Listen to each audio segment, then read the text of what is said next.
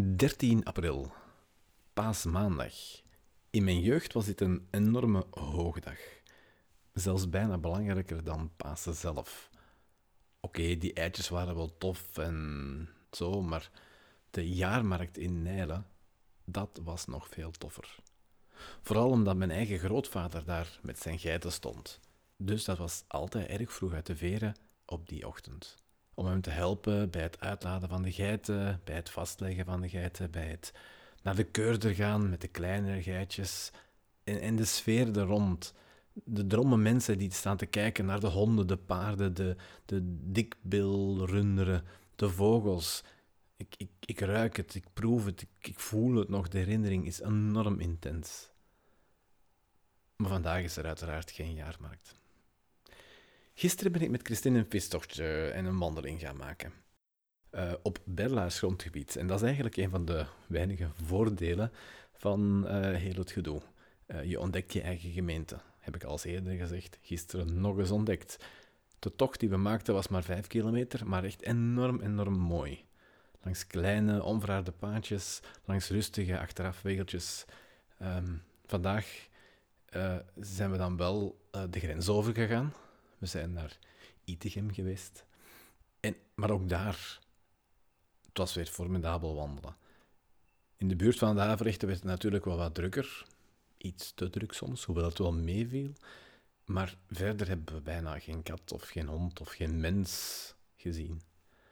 Echt heel mooi. Gisteren, ja, gisteren viel het me op hoeveel negativiteit er onder andere op Facebook, maar ook in het nieuws zat verplegers en dokters die verontwaardigd zijn over mensen die de regels niet naleven, dat vind ik normaal. Alle respect daarvoor. Maar ik las om de haverklap mensen die anderen beschuldigden, anderen uitscholden, omdat ze alles aan hun laarzen zouden lappen. Sommigen nemen, nemen dat verblijf uh, in hun eigen kot erg letterlijk en schelden iedereen die ook maar een teen buiten zet onmiddellijk uit. En, daar kwam ook nog um, Mark van Ranst bij, die ik trouwens enorm waardeer. Geen kwaad woord over Mark van Ranst. Maar die nog eens een keer erbij zei dat als we uh, niet oppasten, dat we naar een lockdown Wuhan-stijl zouden gaan. Een dreigement.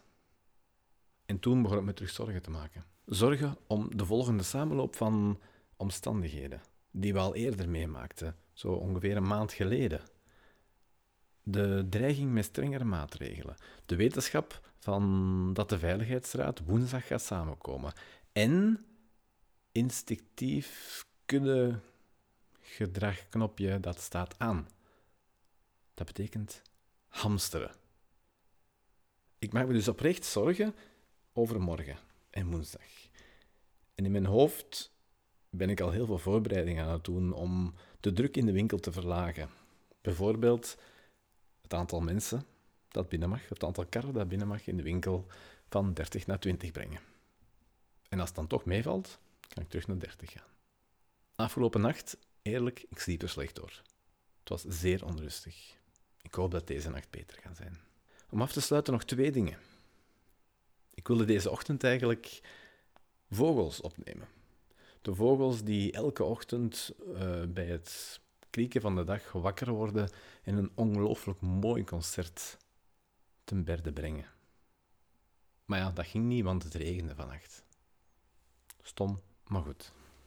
En het tweede, ik deelde gisteren op Facebook dat, het, uh, die negatieve berichten me wel zorgen baren. En Sarah schreef daarop dit op haar tijdlijn. Ik zie zoveel mensen hun best doen met een grote boog rond elkaar lopen, oversteken als er een tegeling eraan komt.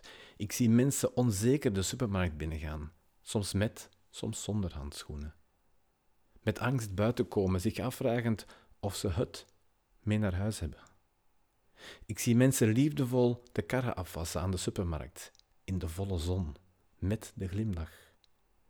Ik zie mensen wachten bij de bakker, mooi met een meter en half tussen elkaar aanmoedigend, pratend over hoe gek het allemaal is, hun bezorgdheden uitsprekend. Ik zie ze een mopje maken, want angst verbergt zich graag onder een lach. Ik zie mensen werk en gezin combineren, zo goed als ze kunnen. Ik zie ouderen fietsen om zichzelf fit te houden, hopend dat het beest hen niet inhaalt. Van iedereen krijg ik een glimlach, want een glimlach is veilig. Iedere keer als ik buiten kom, krijg ik tranen van ontroering en van verdriet.